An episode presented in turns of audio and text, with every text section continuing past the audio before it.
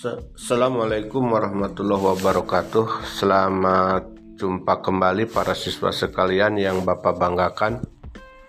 Pada pertemuan ini khusus untuk kelas 12 semester genap ini kita akan membahas tentang materi pembelajaran yaitu peran Indonesia dalam ikut menciptakan perdamaian dunia. Baik, para siswa sekalian yang Bapak banggakan, silakan dibuka buku paketnya. Ya. Udah. Nah, ini ada di sana ada peta konsep ya. Anda boleh lihat peta konsep ini berisikan tentang Indonesia dalam panggung dunia ya. Indonesia dalam panggung dunia ini ada tiga hal yang akan menjadi pembahasan pada materi ini. Yang pertama adalah landasan ideal dan konstitusional luar negeri. Yang kedua pelaksanaan politik bebas aktif. Dan yang ketiga peran Indonesia dalam menjaga perdamaian dunia. Itu peta konsepnya. Selanjutnya dalam dalam kotak landasan ideal dan konstitusional luar negeri ini ada dua, ada ada berdasarkan UUD 45 dan ada berdasarkan Pancasila itu ya. Dan kita akan bahas nanti eh, setelah Bapak menyampaikan peta konsep ini. Terus pelaksanaan politik bebas aktifnya yang pertama latar belakang lahirnya politik bebas aktif dan yang kedua nanti eh, perjalanan politik luar negeri Indonesia dari masa ke masa. Lalu yang ke yang kota ketiganya kita akan membahas peran Indonesia dalam menjaga perdamaian dunia. Kita nanti akan diisi dengan berbagai kegiatan-kegiatan bangsa Indonesia yang menyelenggarakan event-event yang bersifat internasional itu ya. Nanti kita bahas dalam ini dalam materi ini. Selanjutnya buka lagi halaman berikutnya kita akan membahas tentang eh, materi ini. Apa sih tujuan dari pembelajaran ini? Setelah nanti Anda belajar ini, yang pertama nanti Anda diharapkan bisa memahami dan menganalisis, mengevaluasi tentang landasan politik luar negeri bebas aktif Indonesia ya. Terus perkembangan politik luar negeri Indonesia sejak tahun 45 sampai reformasi gitu ya yang berikutnya menganalisis peran Indonesia dalam percaturan politik internasional ya. Dan yang keempat nanti Anda bisa mengambil hikmah dari penerapan politik luar negeri ini. Itu yang yang diinginkan setelah Anda belajar tentang ini. Selanjutnya barangkali Anda bertanya apa sih arti penting dari peran bangsa Indonesia dalam menciptakan perdamaian dunia ini? Arti penting dari materi ini adalah e, mempelajari sejarah Indonesia dalam panggung dunia merupakan hal yang sangat penting ya agar kita bisa mengetahui faktor-faktor yang melatar belakanginya ya. Terutama lahirnya kebijakan politik luar negeri yang bebas aktif serta bagaimana implementasinya sejak proklamasi gitu hingga masa reformasi gitu ya. Nanti nanti anda akan bisa bisalah nanti setelah akhir pembelajaran Anda bisa memahami kembali ya. Baik para siswa sekalian yang Bapak banggakan, eh, yang pertama kita akan membahas tentang eh, apa?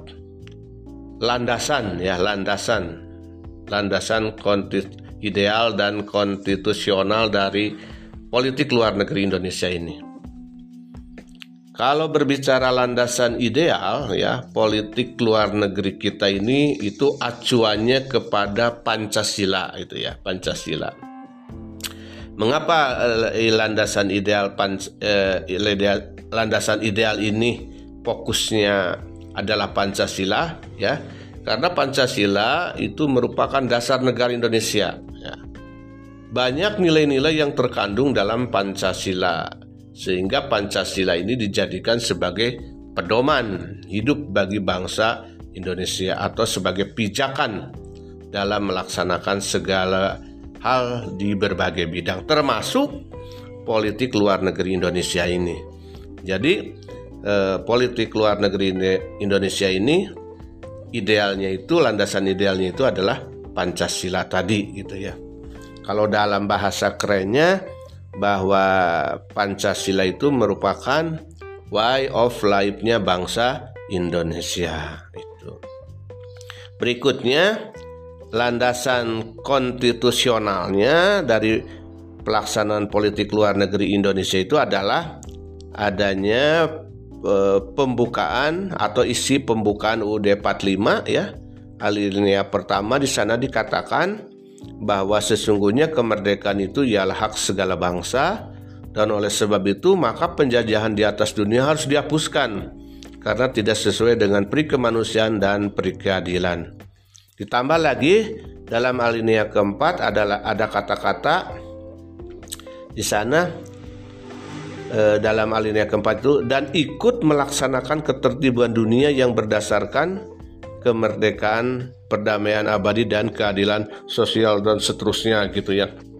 Mungkin Anda pasti tahulah karena ini setiap hari Senin selalu dibacakan ya tentang Pancasila dan eh, pembukaan UUD 45.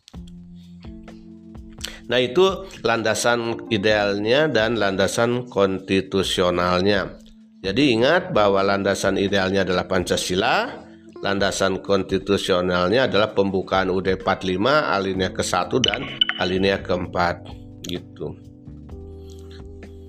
Adapun tujuan daripada politik luar negeri ini, politik bebas aktif ini maksud Bapak adalah untuk mengabdi kepada tujuan nasional bangsa Indonesia ya yang tercantum dalam pembukaan UD 45 alinea keempat yang menyatakan di sana juga melindungi segenap bangsa Indonesia dan seluruh tumpah darah Indonesia dan untuk memajukan kesejahteraan umum, mencerdaskan kehidupan bangsa dan ikut melaksa dan ikut melaksanakan ketertiban dunia yang berdasarkan perdamaian abadi dan keadilan sosial. Itu itu ya eh, tadi sudah Bapak jelaskan dan alinea keempat ini juga merupakan bagian dari tujuan politik luar negeri kita gitu ya. Para siswa sekalian ya, nanti dari dari penjelasan Bapak yang dua ini ya, nah, boleh nanti kamu membuat rangkuman sedikit lah apa itu tentang landasan ideal, apa itu tentang landasan konstitusional, dan apa itu eh, operasional dari politik luar negeri Indonesia. Silahkan nanti bisa dilihat di buku paketnya.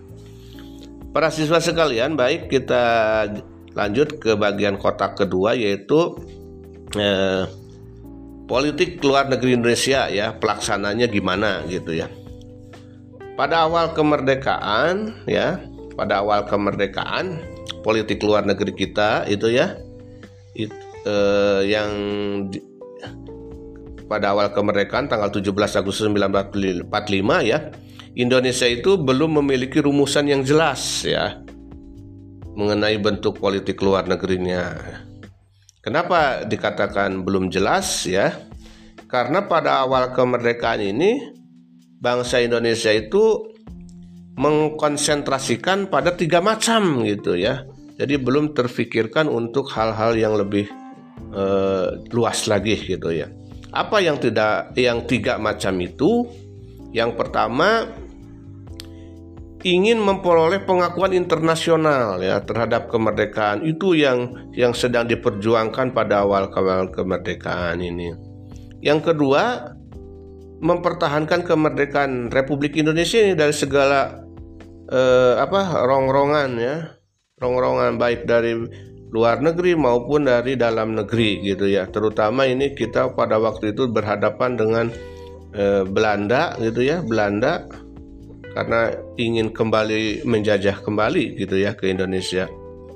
Dan yang ketiga kita ingin mengusahakan serangkaian diplomasi ya untuk penyelesaian sengketa antara Indonesia dan Belanda melalui negosiasi atau akomodasi kepentingan yang menggunakan bantuan negara ketiga ya itu seperti PBB itu pada awal kemerdekaannya politik luar negeri negeri kita itu seperti itu ya.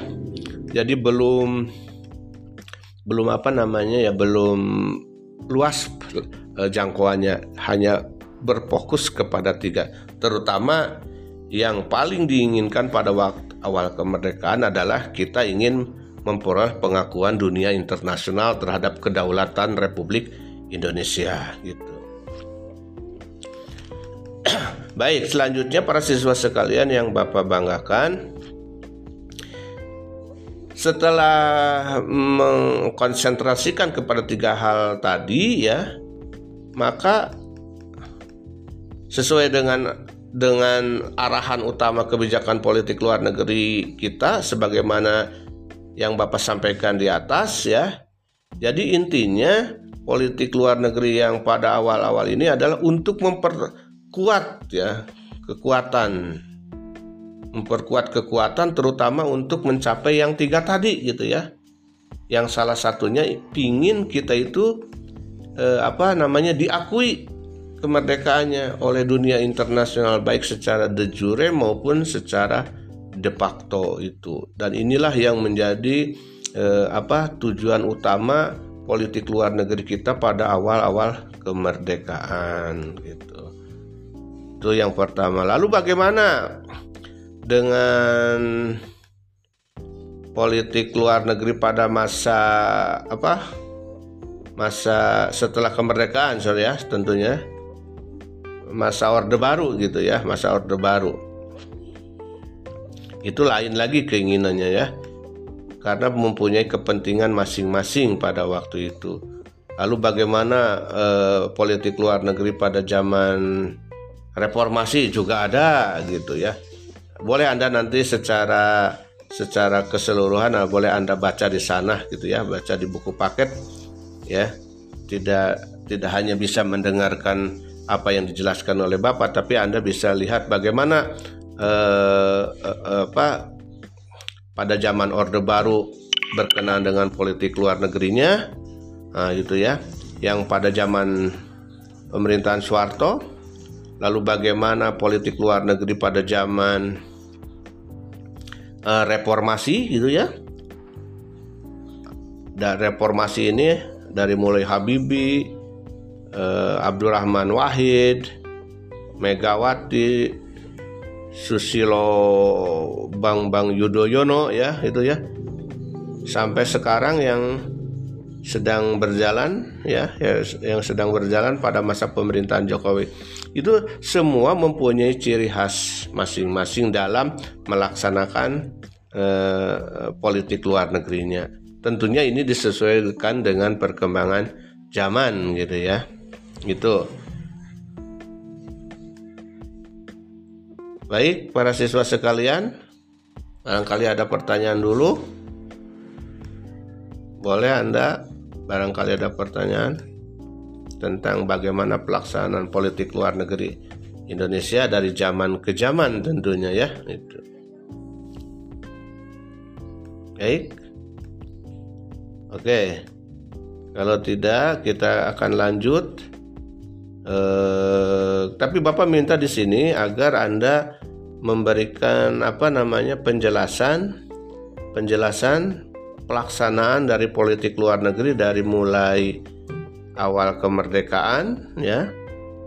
Terus zaman orde baru zaman reformasi ya. Repor, zaman reformasi dari dari apa dari mulai Habibie Presiden Habibie Presiden Abdurrahman Wahid Presiden Megawati Presiden Susilo Bambang Yudhoyono dan presiden sekarang yaitu pada zaman Pak Jokowi ya. Tolong Anda nanti bisa dicatat dalam buku bagaimana pelaksanaan politik luar negerinya selama eh, apa pemerintahan-pemerintahan yang Bapak tadi sebutkan. Baik, kita lanjut ya. Bagaimana selanjutnya sekarang tentang eh, eh, pelaksanaan dari eh, apa peran bangsa Indonesia dalam ikut serta menciptakan perdamaian dunia itu ya. Di sana ada beberapa macam eh, ada beberapa macam tentang peran bangsa Indonesia itu ya. Tetapi mungkin pada pertemuan ini Bapak tidak bisa eh, di, apa tidak bisa secara keseluruhan disampaikan gitu ya.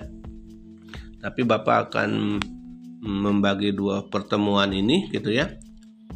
Yang pertama tadi tentang pelaksanaan politik luar negeri Indonesia Sedangkan nanti pertemuan berikutnya Bapak akan menyampaikan peranan bangsa Indonesia dalam ikut serta men menciptakan perdamaian dunia itu ya. Apa saja nanti peran bangsa Indonesia ini banyak sekali dari mulai pelaksanaan konferensi Asia Afrika, gerakan non-blok, terus organisasi konferensi Islam, ASEAN, kontingen Garuda Jakarta Informal Meeting ke satu, kedua gitu ya, dan yang lain-lainnya ya.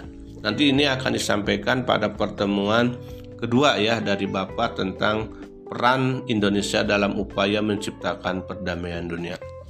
Baik pada pertemuan kali ini Bapak hanya bisa menyampaikan dulu dua macam yaitu tentang Ya, politik luar negeri Indonesia yang bebas aktif berdasarkan landasan ideal dan konstitusional serta penjelasan tentang politik luar negeri Indonesia dari masa ke masa itu ya.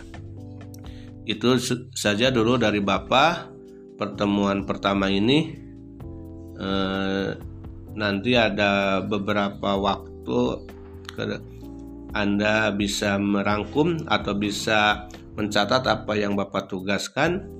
Yang pertama Anda eh, tadi sudah disampaikan, Anda harus memberikan catatan-catatan penting mengenai perjalanan eh, politik luar negeri Indonesia dari masa ke masa ya.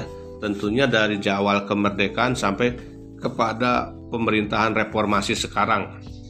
Itu yang yang Bapak tugaskan kepada Anda gitu ya Selanjutnya Anda juga bisa eh, mencatat bagaimana eh, yang dimaksud dengan landasan ideal, juga landasan konstitusionalnya ini juga Anda perlu dipahami dan tuangkan dalam bentuk catatan-catatan dalam eh, buku Anda gitu ya.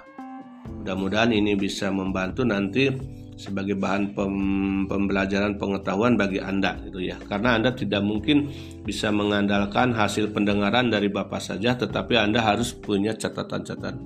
Baik itu saja dari Bapak pada pertemuan ini. E, silakan tugasnya dikerjakan ya. E, nanti pada pertemuan berikutnya Bapak akan periksa itu ya. Terima kasih. E, mari kita tutup pembelajaran pada pertemuan hari ini dengan bacaan Alhamdulillah. Terima kasih. Assalamualaikum warahmatullahi wabarakatuh.